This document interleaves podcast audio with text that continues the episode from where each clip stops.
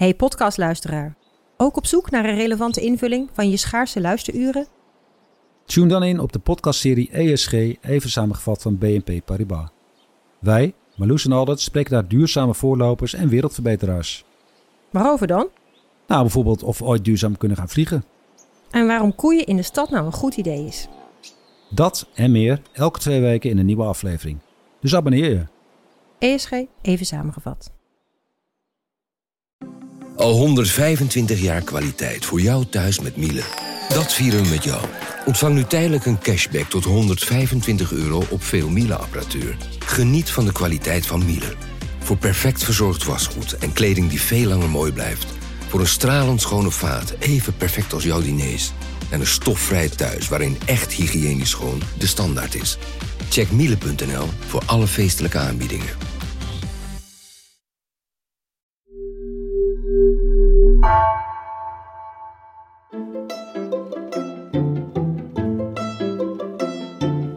Welkom. Wij zijn Onbehaarde Apen. Dit is een podcast van NRC over wetenschap.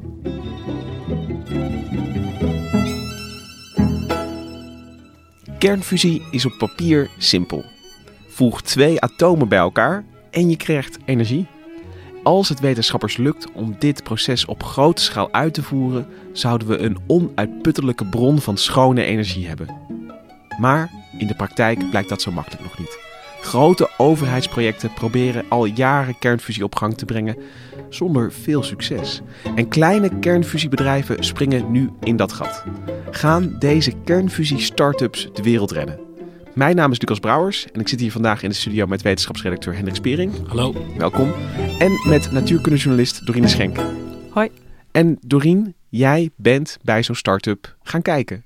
Ja, dat klopt. Ik uh, mocht langskomen bij Tokamak Energy in Didcot in het Verenigd Koninkrijk. Ik moet zeggen, er zitten ook een heleboel start-ups in Amerika, maar dat was toch uh, iets te ver voor een klein wetenschapsreisje. En die start-up, nou ja, start-up is misschien niet helemaal het goede woord, want ze bestaan al vrij lang, maar ze zitten nog steeds in de start-up fase. En zij proberen energie op te wekken met kernfusie. En uh, ik kreeg een rondleiding door hun lab en langs hun reactor. En je bent nu bij start-ups gaan kijken, maar ik had het net ook al over grote overheidsprojecten. Daar ben je ook een keertje gaan kijken. Wat zijn dat voor projecten?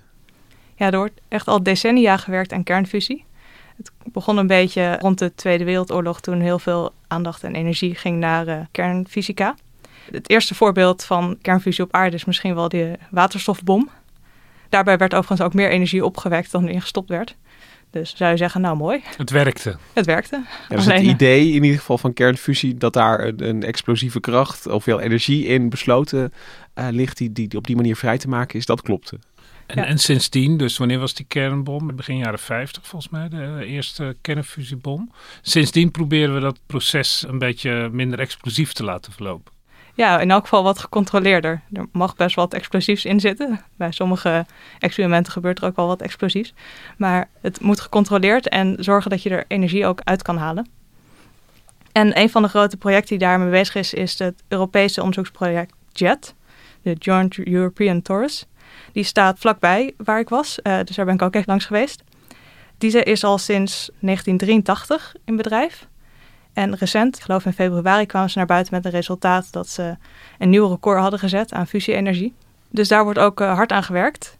Dus die, die experimentele grootschalige kernfusiereactoren, die leveren al wel eens een beetje energie. Dus het is niet zo dat het een, een doodlopende weg is. Nee, fusie op aarde lukt al. Maar fusie op aarde op zo'n manier dat je er meer energie uithaalt dan erin stopt, op een gecontroleerde manier, dat is nog lastig. Want JET heeft in 5 seconden 59 megajoule aan warmte-energie geproduceerd. Dat is meer dan het vorige record, maar het is nog steeds niet meer energie eruit dan erin gaat. Wat moet ik me voorstellen met die hoeveelheid energie? Het klinkt veel, megajoule, maar... Ja, die 59 megajoule, dat kun je vergelijken met de hoeveelheid elektrische energie die een tweepersoons huishouden in twee dagen verbruikt. Aha. Klinkt als niet heel veel. Dus daar kun je, van, daar kun je twee keer van douchen, daar kun je een ei mee koken. En, uh... ja. Wat trouwens nog wel erbij wil zeggen, die energie voor twee dagen voor een huishouden van twee personen is wel in vijf seconden opgewekt. Maar er is, gaat inderdaad nog steeds meer energie in dan het oplevert. En de Jet is dus al decennia bezig. En jij kon dus eigenlijk kijken bij nou ja, het, het grote, langdurige experiment. En tegelijkertijd, da- daaromheen in de buurt, daar komen ook de uitdagers, die komen ook wel weer omhoog. Die willen dat anders gaan doen.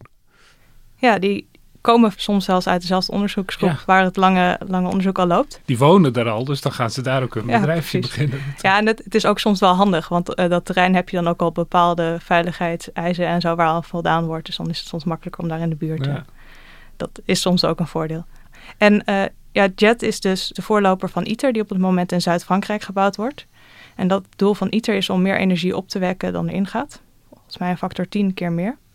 Dat klinkt mooi, maar die wordt ook nog niet aangesloten op het elektriciteitsnet. Dus dat is ook nog een overheidsproject wat puur voor onderzoeksdoeleinden is. Dus het, er is vooruitgang vanuit de overheidsprojecten, maar het gaat niet zo snel. En ja, start-ups denken dat ze dat sneller kunnen.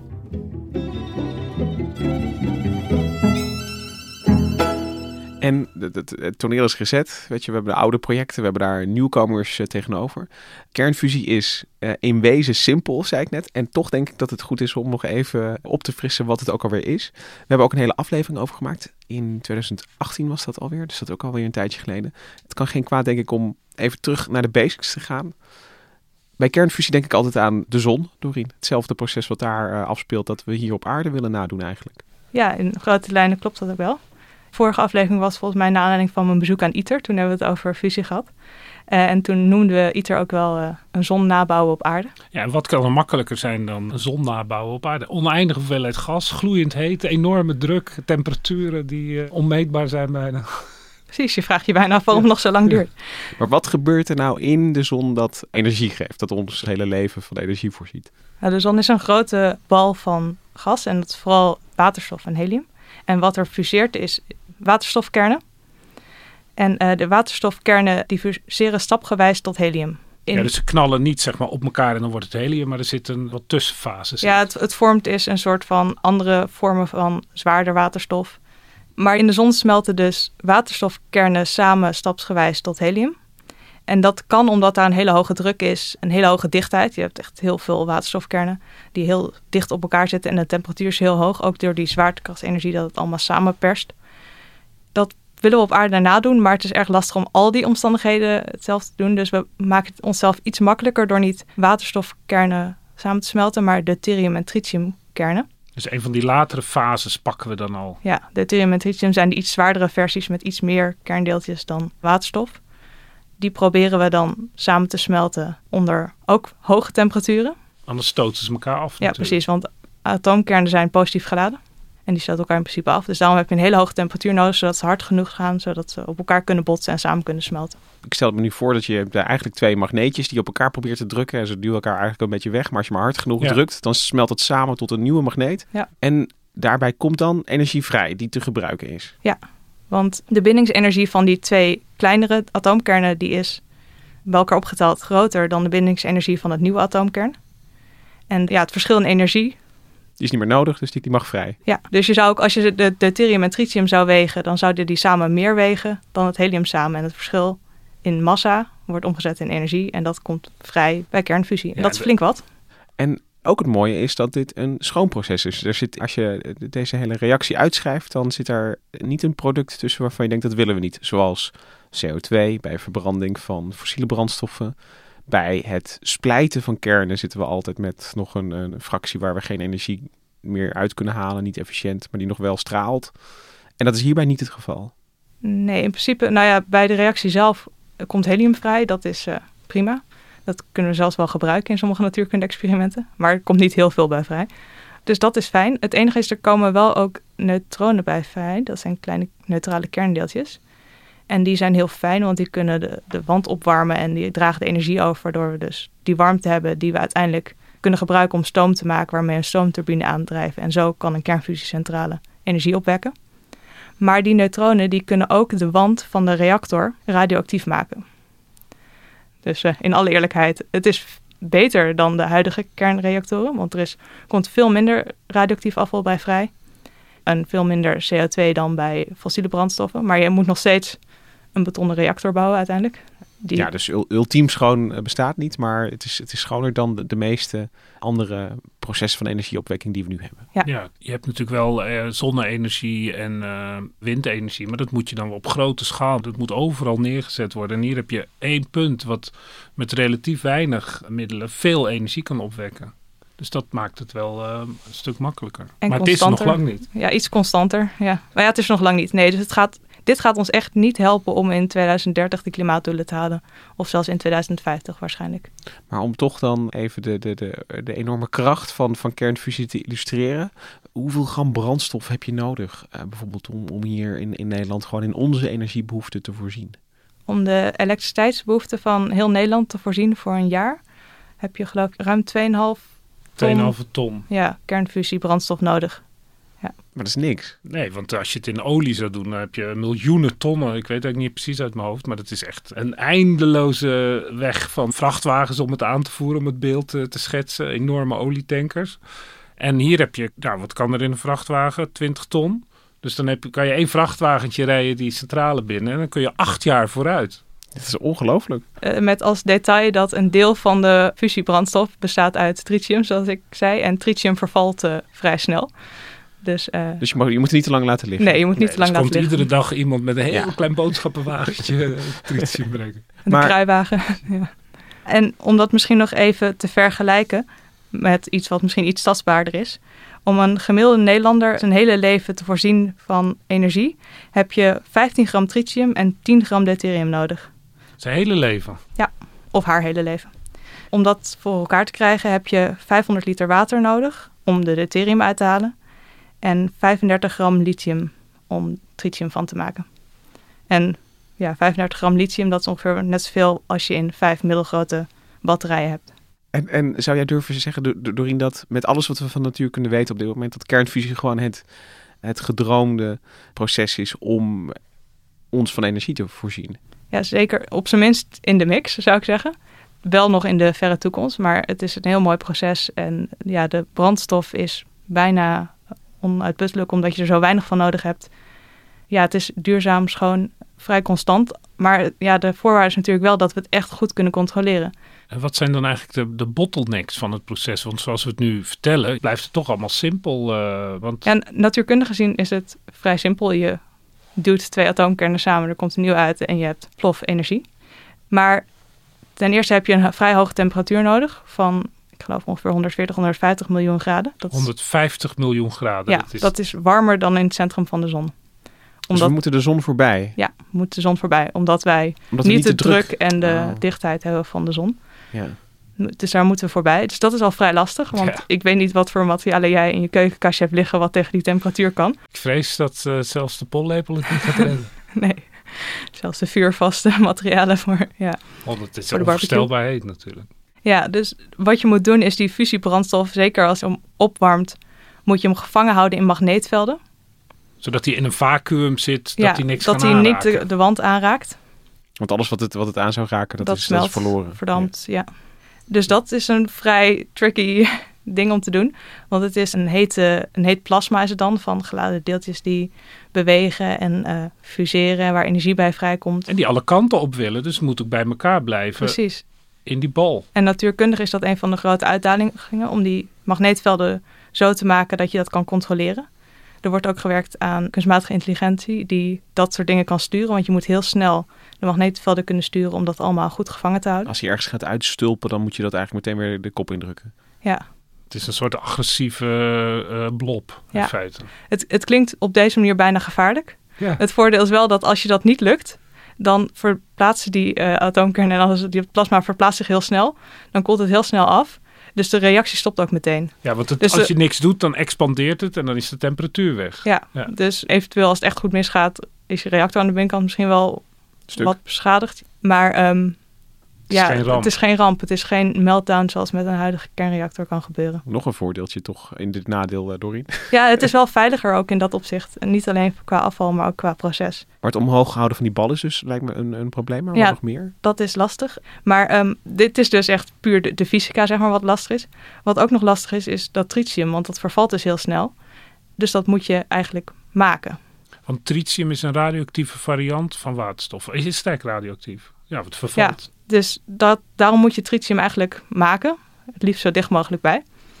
En dat kan door lithium te bestralen met neutronen. Als je op lithium een neutron, dus die deeltjes die al vrijkomen bij reactie, als je die op een lithiumatoom schiet, dan kan dat uiteindelijk tritium opleveren. Als je dus dat lithium bombardeert, dan ontvalt het uiteen in helium en een tritium of zo. Als een neutron op een lithiumatoomkern botst, uh, want lithium bestaat uit drie neutronen en drie protonen, de kern, dan ontstaat er helium en tritium. Dus dan, zo maak je je tritium. En de droom is dan, stel ik me voor, om de neutronen die vrijkomen bij het fusieproces, wat je dan toch al doet, om die even naar buiten, naar dat lithium te sturen, waarmee je weer tritium maakt. Ja, nou ja, je kan ze naar buiten sturen, dat is best tricky. Wat je ook kan doen is gewoon simpelweg uh, de reactorwand insmeren met lithium. Aha. En dat is, daar zijn ze ook mee bezig om dat, uh, want ik zeg simpelweg, maar om dat op een goede manier te doen. Want het is ook best lastig, want de efficiëntie is ook niet heel hoog, dus je wil wel echt genoeg tritium maken. Dus je moet zorgen dat je de reactorwand op de goede plekken en zo, waar het ook die neutronen het meeste komen. Dus daar wordt ook naar gekeken. En uh, wat zijn nog meer dingen waar je als kernfusietechnicus tegenaan loopt? Nou, een ander ding is natuurlijk dus dat die wanden daar waar die neutronen op terechtkomen, die worden radioactief, maar die worden daardoor ook een beetje broos door de warmte en de neutronen waarmee ze gebombardeerd worden. Dus die moeten af en toe vervangen worden. Dus je wil eigenlijk ook een materiaal ontwikkelen dat daar goed tegen kan. Vooral um, het uitlaatklepje, om het zo maar te zeggen. Waar je bijvoorbeeld het helium en zo wil afvoeren. Want het helium wat ontstaat is eigenlijk een soort as in dat plasma. En dat zorgt dat de temperatuur wat daalt. En dat haalt je efficiëntie eigenlijk omlaag. Dus dat, dat moet er weer uit. Dat moet er eigenlijk uit. Dat kan op zich wel, want het heeft een lading, dus je kunt het een beetje sturen. Maar dan heb je een soort uitlaatklepje waar het uit moet, de diverter. En daar komt gewoon hele hoge temperaturen komen daarop te staan. Dus ze zijn ook nog bezig met het ontwikkelen van de meest geschikte materialen daarvoor. Ja, want je wil ook niet iedere week uh, die hele reactor aan de binnenkant nee. versen natuurlijk. Nee, dan... Uh... Dus we hebben de, het in de lucht houden van het plasma met die magneetkrachten. Uh, je hebt de vorming van het tritium en je hebt de wand. Ja, het, is, het is een duidelijk boodschappenlijstje. Maar wat, wat doen ze daarbij ITER dat het al decennia duurt en, en nog niet echt is gelukt? Het is best lastig. Vooral nieuwe materialen ontwikkelen is lastig. En uh, zo'n reactor bouwen, het is ook een vrij groot, complex ding. Dus voordat je er een gebouwd hebt en dingen ermee kunt gaan testen. En die magneetvelden, dat is pas de laatste paar jaar volgens mij dat ze daar echt grote vooruitgang in boeken. Dat ze die magneetvelden steeds beter kunnen controleren. Ja, want dat heb ik altijd gehoord als het grootste probleem. En nu zeg je eigenlijk van, uh, nou, dat kan eigenlijk wel. Nou, het, ik wil nog niet zeggen dat het helemaal opgelost is. Maar er zit zeker vooruitgang in. Dus dat is ook denk ik een van de redenen dat er wat start-ups denken, dit is het moment. Omdat er vrij veel vooruitgang geboekt is. Vooral voor die stap van jet naar ITER. Dat er dus meer energie opgewekt moet kunnen worden dan erin gaat. Dat toont aan dat er stappen gemaakt zijn op wetenschappelijk gebied, onderzoeksgebied. Die groot zijn, groot genoeg dat ze denken, misschien kunnen we dit zelf ook wel.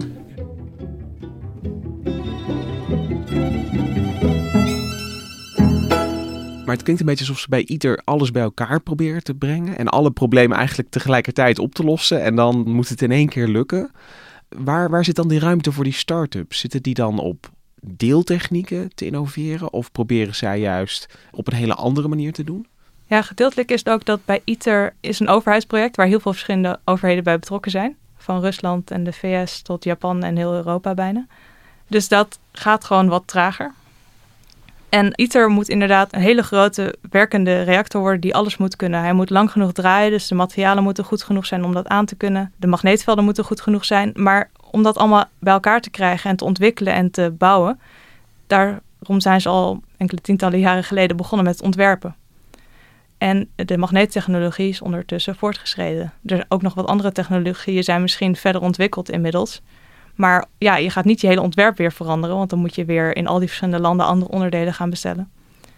Dus je zou kunnen zeggen dat ITER misschien qua technologie een klein beetje achterloopt tegen de tijd dat het gebouwd is. Omdat er qua materialen en zo misschien vooruitgang is geboekt. En dat ga je niet ineens nog veranderen in je ontwerp. Dat is niet te doen. Uh, zeker niet bij zo'n bijna megalomaan project. Ja, dan kan je wel een paar updates doen natuurlijk. Ze zijn natuurlijk niet achterlijk, maar de, de, de, het centrale systeem uh, is zoals ze dat uh, tien jaar geleden bedacht ja, hebben. Zeker die enorme magneten. Je gaat er niet ineens even een ander materiaal, een magneet bouwen. En die start-ups die zijn inderdaad wel gedeeltelijk op, op een deelgebied. Er zijn een aantal start-ups die zich echt gespecialiseerd hebben in die magneten. Want er zijn nu zogeheten hoge temperatuur superglijdende magneten. Die zijn in ontwikkeling. De laatste 10, 15 jaar gaat dat echt, echt hard. Ik zeg hoge temperatuur, maar dat is... Uh, relatief. Ja, dat is relatief. De huidige eh, supergeleidende magneten die uh, worden pas supergeleidend. Dus een bijzondere gave waardoor ze weerstandsloos geleiden, dus niet of nauwelijks opwarmen. En daarvoor moet je ze afkoelen tot bijna het absolute nulpunt. Min 270? Ja, zoiets. Dus een paar graden boven het absolute nulpunt. En deze hoef je slechts af te koelen tot min 250 graden. En dat heet dan al hoge temperatuur? Dat heet al hoge temperatuur, Het is trouwens wel ironisch dat je dus zo koud moet om zo heet uh, te maken met ja, dat plasma. Ja, die reactoren die worden echt absurd binnenin 150 miljoen graden en daar iets buiten min 250 of uh, wat dan ook, ja. Maar als, als er nergens anders een planeet is waar ook kernfusie wordt bedreven, dan, dan is het het grootste temperatuurverschil in, in ruimte gezien uh, in het universum. Ja, ik denk het wel. Ja. Ik uh, ben nog niet op alle planeten geweest, maar ja. Uh, ja, en dat is zo'n grootschalig project dat het bij ITER, ja, ja, dat gaat allemaal trager. Maar er zijn dus kleine bedrijven die denken, nou, wij kunnen die magneten bijvoorbeeld al beter ontwikkelen. Commonwealth Fusion Systems in Amerika, dat is een spin-off van MIT, de grote technologische universiteit daar. Die uh, hebben al een magneet en die, hun eerste stap was die magneet ontwikkelen en te laten zien dat die magneet goed werkt, die hoge temperatuur supergeleidende magneet. En die kan je dan al verkopen natuurlijk aan wie hem nodig heeft. Bijvoorbeeld, ja. Ja, want, want, want dat vraag ik me wel af. Van een start-up heeft uiteindelijk een beloofd uh, businessmodel. Weet je, je kunt het nu nog niet maken, maar je denkt wel dat je het op een gegeven moment kan maken. Uh, als je nu geld krijgt. Dus investeer en dan gaan wij mooie dingen maken. Maar zijn dan de beoogde klanten voor dit soort magneten bijvoorbeeld toekomstige fusiecentrales? Onder andere, maar je kunt er ook andere dingen mee doen. Je hebt ook superkleine magneten bijvoorbeeld nodig in MRI-scanners. Ik geloof dat deze niet precies genoeg zijn voor MRI's. Maar er zijn meer plekken waar je andere grote natuurkundige experimenten. De LHC bij CERN in Genève, die heeft ook best wel goede magneten nodig. Ja, die ligt helemaal vol met magneten ook. Precies, dus... Uh, maar ben je dan een fusie-startup of noemen ze zichzelf dan een magneten-startup?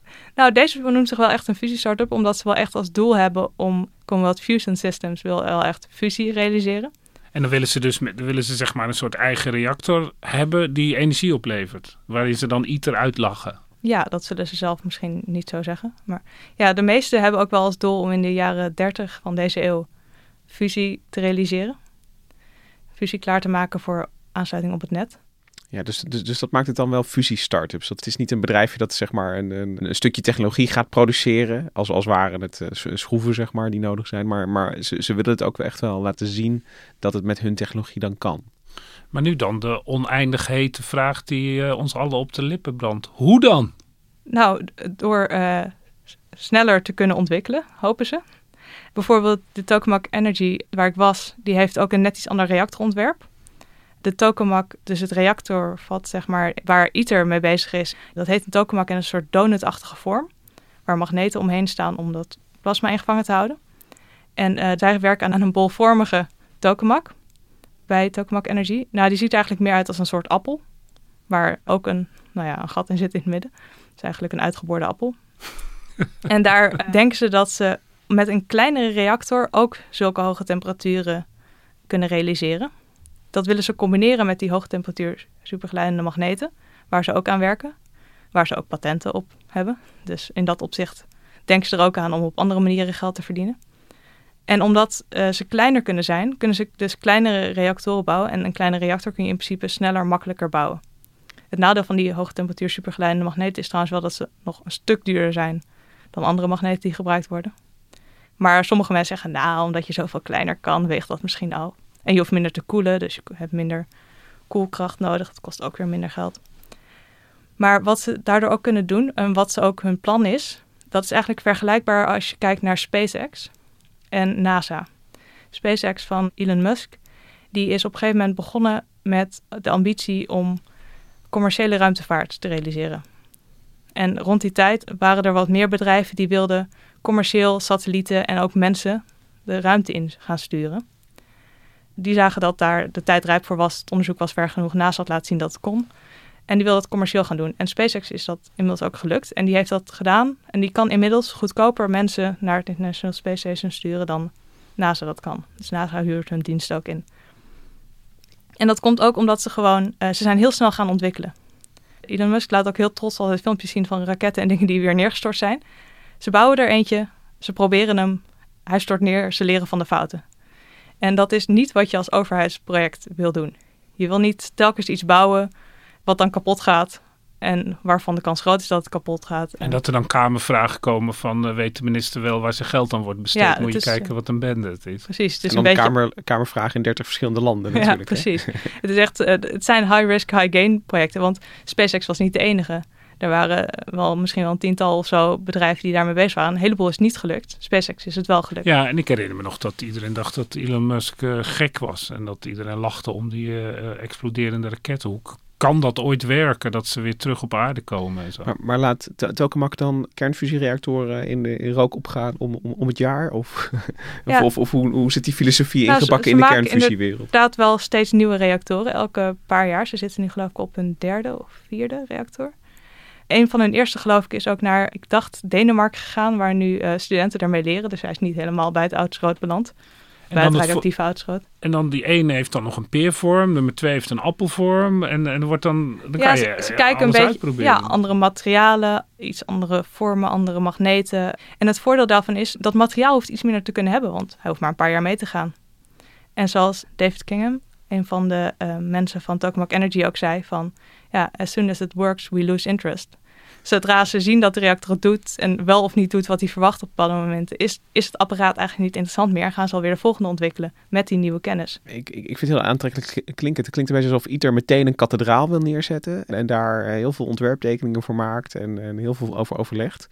En alsof ze bij Tokamak Energy gewoon zijn begonnen met bouwen de weg naartoe is misschien wat rommeliger. Je bouwt een aantal kerkjes over elkaar heen en je breidt wat uit en je zet er een nieuwe toren op. Maar je, je, gaat wel sneller omhoog. Ja, maar het klinkt ook wel als een bodemloze put waar je eindeloos geld in kan blijven pompen om weer een nieuw ontwerp te laten bouwen. Ja, dus je moet wel investeerders hebben die daar wat in zien. Nou ja, SpaceX had gelukkig genoeg miljonairs, miljardairs die als jongetje of meisje droomde van de ruimte ingaan. Want hoeveel ja, dat kan je nu wel zeggen. Hoeveel geld verbrandt zo'n bedrijf eigenlijk? Hoeveel investeringen gaan daarin? Want het is niet zeg maar de, erfenis eh, van je tante waar je dat bedrijf mee opzet natuurlijk. Ja, in de hele kernfusie start-up wereld is tot oktober vorig jaar was bijna 2 miljard, geloof ik. En dat zijn 23 bedrijven waarbij zit, kernfusie startups waarbij zit afvroegen. Inmiddels is dat gestegen, dus in de laatste paar maanden naar 4 miljard. Oké. Maar verreweg het meeste gaat naar de vijf grootste bedrijven ongeveer 90% van die 4 miljard. En daar zit Tokamak Energy ook bij. Dus dan kan je met een half miljard uh, kom je En dan elke keer een nieuwe investeringsronde voor je volgende. Ja, precies. Want daar moet je dan als, als wetenschapper technicus ook wel zin in hebben om. Je bent misschien wat vrijer in, in wat je doet in je sleutellaboratorium. Uh, maar je moet ook wel vaker naar vergaderkamertjes toe om uh, geld uh, los te peuteren bij mensen met veel geld. Ja, en, en weten we eh, iets over de investeerders? Zijn dat mensen die, die dan iets goeds willen doen? Of uh, zijn dat mensen met grote plannen? Of zien ze hier echt... Doen ze het uit idealen of doen ze het om geld te verdienen? Ja, mensen met zoveel geld om te besteden doen het meestal denk ik ook wel om geld te verdienen. Maar Tokamak Energy noemde een paar namen. Dat zijn echt mensen die veel geld hebben, veel investeren. En die ook echt, ja, ze zien dat het nodig is om te investeren in ontwikkelingen die gaan helpen bij de klimaatverandering, bij energietransitie. En ze houden van, uh, meestal ook wel van een gokje durven wagen. Ja, want het, is, zullen niet de pensioenfondsen zijn die je geld insteken. Dit is typisch iets als je een hele brede portefeuille hebt, veilige en minder veilig. Is dit zeg maar helemaal aan de rand. Want ja, voor hetzelfde geld levert het helemaal niks op. Maar als het iets oplevert, ja, oneindige energie is natuurlijk oneindig veel geld. Dus in het casino een beetje het equivalent van wat geld inzitten op de, op de nul uh, aan de roulette tafel. Ja, meestal verlies je, maar als je wint. Ja. ja, en het is natuurlijk iets veiliger in de zin dat sommige bedrijven inderdaad op losonderdelen patenten aanvragen. En ja, bij het Tokamak Energy had het er ook wel over dat misschien de fusiereactoren van de toekomst gebouwd worden door een soort samenwerking tussen verschillende, wat nu start-up bedrijven zijn. Ja, dan kun je lekker gaan fuseren. En dan, uh... Fuseren? Precies. en, en, dat kunnen ze wel. en kun je, kun je naast, zeg maar, tokenmak richt zich op die magneet. Kun, kun, kun je nog een, een paar start-ups en hun filosofie of aanpakken uh, beschrijven? Van, ik, ik ben een miljonair en ik heb geld te besteden. Ik wil investeren in een kernfusie-startup. Wat voor verhalen kom ik dan allemaal tegen?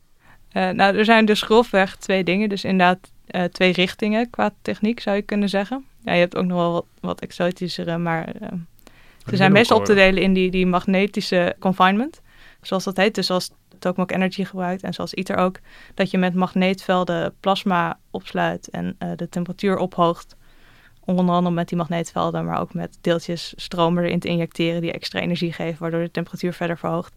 Uh, dat is één tak van sport, zeg maar. En de andere is inderdaad dat je dus een soort van targets hebt met brandstof erin die je beschiet met een manier. Je hebt in uh, Amerika heb je het NIF, geloof ik. Die schieten met 192 lasers op Ja. een blokje brandstof en brengen die zo tot ontbranding. Of Die tot, de laatste tot ook weer een record, volgens Ja, die mij. hadden laatst ook inderdaad een of ander fusierecord eh, neergezet. Maar ja, daar moet je een iets andere technologie voor ontwikkelen. Er is dus in Engeland heb je First Light Fusion. Die werkt ook aan een vergelijkbare techniek. Die zeggen ook al onze kennis en al ons onderzoek zit in die blokjes. Daarom hebben wij veel minder geld nodig om eh, te ontwikkelen. Want we hoeven alleen maar die blokjes te ontwikkelen. En die schieten een soort van ja, muntvormig projectiel op een target waar de brandstof in zit. En brengen die tot ontbranding.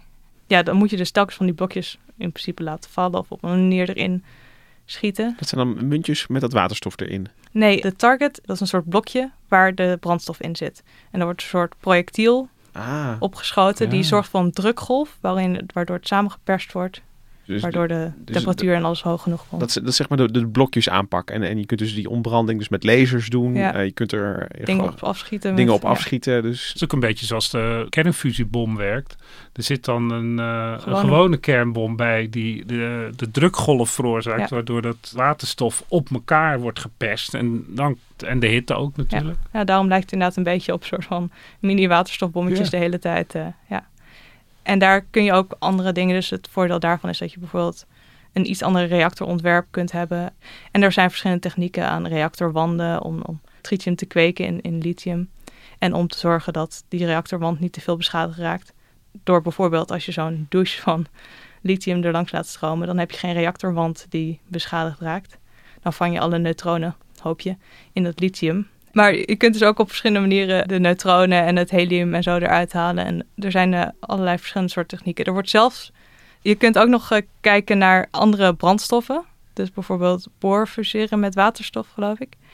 Daar komt minder neutronen bij vrij. Dus dan heb je niet dat de reactorwand radioactief wordt of minder. Maar goed, dat, dat, is- ja, die fusiereactie is nog veel ingewikkelder. Maar het klinkt ook wel een beetje van laat honderd bloemen bloeien. En het klinkt als heel gunstig dat je nou zo'n massieve eh, project van ITER, die zeg maar de standaard technologie gaat eh, uitproberen. Daar heeft iedereen ook wel vertrouwen in, heb ik het de indruk. Maar het, ja, en dan zit daar zo'n hele wolk van eigenwijze natuurkundigen die denken, oh, het kan ook anders. En eh, als we nou dit en een douche van lithium langs de wand. En, Ja, ik sprak ook nog iemand van een overheidsorganisatie in eh, het Verenigd Koninkrijk, die dus ook bij JET en, en dergelijke betrokken is. En die vond het inderdaad juist fantastisch om te zien dat er al die verschillende start-ups mee bezig zijn. En er is ook zoveel wisselwerking. Soms gaan mensen van overheidsprojecten die sluiten zich aan bij zo'n start-up en er wordt ook weer kennis teruggebracht. Ze zei ook al van uiteindelijk komen ze ook wel weer bij ons terug, want wij kijken naar het totale plaatje, hoe je het ook weer inpast in het elektriciteitsnet. En zij focussen zich meer op de techniek van de reactor. Dus als je uiteindelijk een kernfusiereactor aan wil sluiten op het net om energie te leveren aan het elektriciteitsnet, dan zul je misschien wel meerdere bedrijven nodig hebben. Er zal er hooguit één van die, nou ja, nu 30 of twee misschien technologie ontwikkelen die echt zal leiden tot zo'n fusiereactor voor het net. En, ja, ja. en dat ITER is dus een testprogramma die dan volgens mij pas over 20 of 30 jaar die stroom moet gaan leveren, maar niet eens commercieel. En dan komt er een heel nieuw project. Ja. En dan moet alles, kunnen al die projecten weer bij elkaar worden gebracht. Ja, voor ITER staat daarna ook nog demo gepland. Die gaat wel echt elektriciteit leveren, maar die staat nu gepland voor 2055 uit mijn hoofd. Dus dat is echt nog ver weg. Zijn De vraag is natuurlijk zeg. Ook of dat doorgaat als de start-ups het heel Ja. goed doen. Maar dat, eh, ja, dat durf ik niet te zeggen.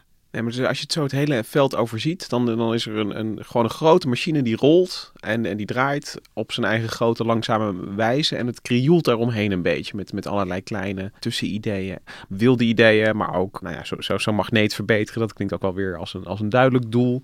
Dus dat, dat loopt allemaal door elkaar. Ja, en er zijn dus ook plannen die dan in ieder geval investeerders aantrekken. Waardoor dus zeg maar de hoeveelheid geld die in die ontwikkeling gaat ook niet allemaal van de overheid komt natuurlijk. Nee, dus daar is, daar is wel best wat voor te zeggen eigenlijk. Ja, zeker. En ook zeker om te blijven samenwerken. Heel veel van die start-ups die zijn wel ook bezig met wetenschappelijke publicaties en zo. En patenteren, waarvan je zegt, ja, dan houd het dus voor jezelf. Maar patenteren betekent wel ook dat je informatie deelt met de rest van de wereld. Betekent wel dat ze je moeten betalen als ze die technologie Ja. willen gebruiken. Maar op die manier worden wel dingen gedeeld. En zeker bijvoorbeeld dat tritium kweken uit lithium. Ja, dat is een probleem waar ze bijna allemaal mee zitten. Dus als aan de ene kant vooruitgang mee wordt geboekt, dan hebben anderen daar ook wat aan. Heeft ITER daar ook wat aan? Heeft Demo, die misschien ooit gebouwd wordt, daar ook wat aan? Ja, of je kopieert het net op een andere manier, of je betaalt het patent. Dat zijn allerlei Ja, manieren er zijn natuurlijk. allemaal manieren om daarmee om te gaan. En eh, als jij nou zelf geld te besteden zou hebben, heb jij iets gezien waarvan je denkt, nou, die hadden toch wel zo'n goed verhaal of, of zo'n eh, zo'n interessante techniek. Daar, daar eh, wil ik helemaal in mee. Nou ja, Het is als, geen beleggingsadvies officieel, hè, zeg maar dan, nou, als journalist blijf ik natuurlijk onafhankelijk. Als zodra ik ergens geld in ga steken, dan mag ik er vast niet meer over schrijven, denk Nee. ik. Nee, ik denk dat het vooral heel mooi is om te zien dat er zoveel verschillende paden bewandeld worden. Want die target-techniek, die is minder ver gevorderd, maar ja, die kan hele grote stappen maken als dat goed gaat. En juist die andere bolvormige tokenmax en zo, dat, daar worden ook grote stappen in gezet. Dus ik zou niet zeggen, er is er eentje die eruit springt. Je zou gewoon, je zou ze allemaal 5 euro geven. Zeg. Misschien ja. Dat is net als eh, geld zet op de nul en de dubbel nul, Ja. zeg maar. Ja. ja. Ik ga ook nooit naar het casino, dus misschien ben ik niet de goede persoon om dit aan te vragen. Nee, maar je bent wel eh, een hele goede persoon om te vertellen wat er eigenlijk allemaal gebeurt in die laboratoria. En het is heel spannend om te zien. En ik hoop dat je het ook, ook blijft volgen voor ons, zodat we nou ja, het van jou kunnen horen als er dingen gebeuren.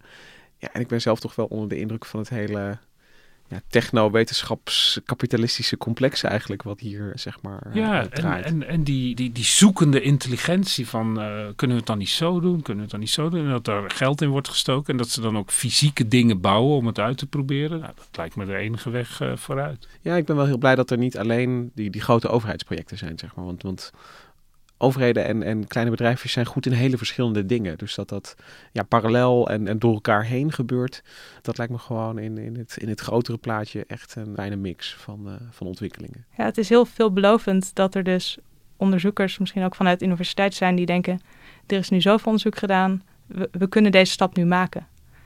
En fusie is al zoveel tientallen jaren een belofte.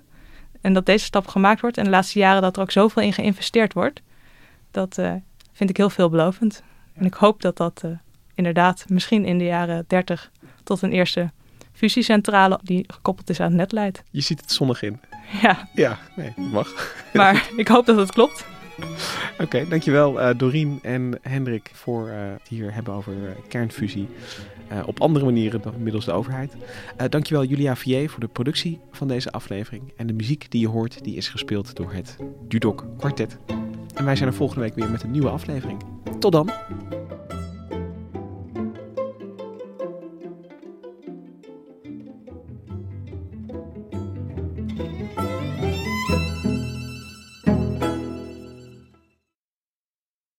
Technologie lijkt tegenwoordig het antwoord op iedere uitdaging. Bij PwC zien we dit anders. Als we de potentie van technologie willen benutten, kunnen we niet zonder een menselijk perspectief. Human-led, tech-powered noemen we dat. Ga naar pwc.nl.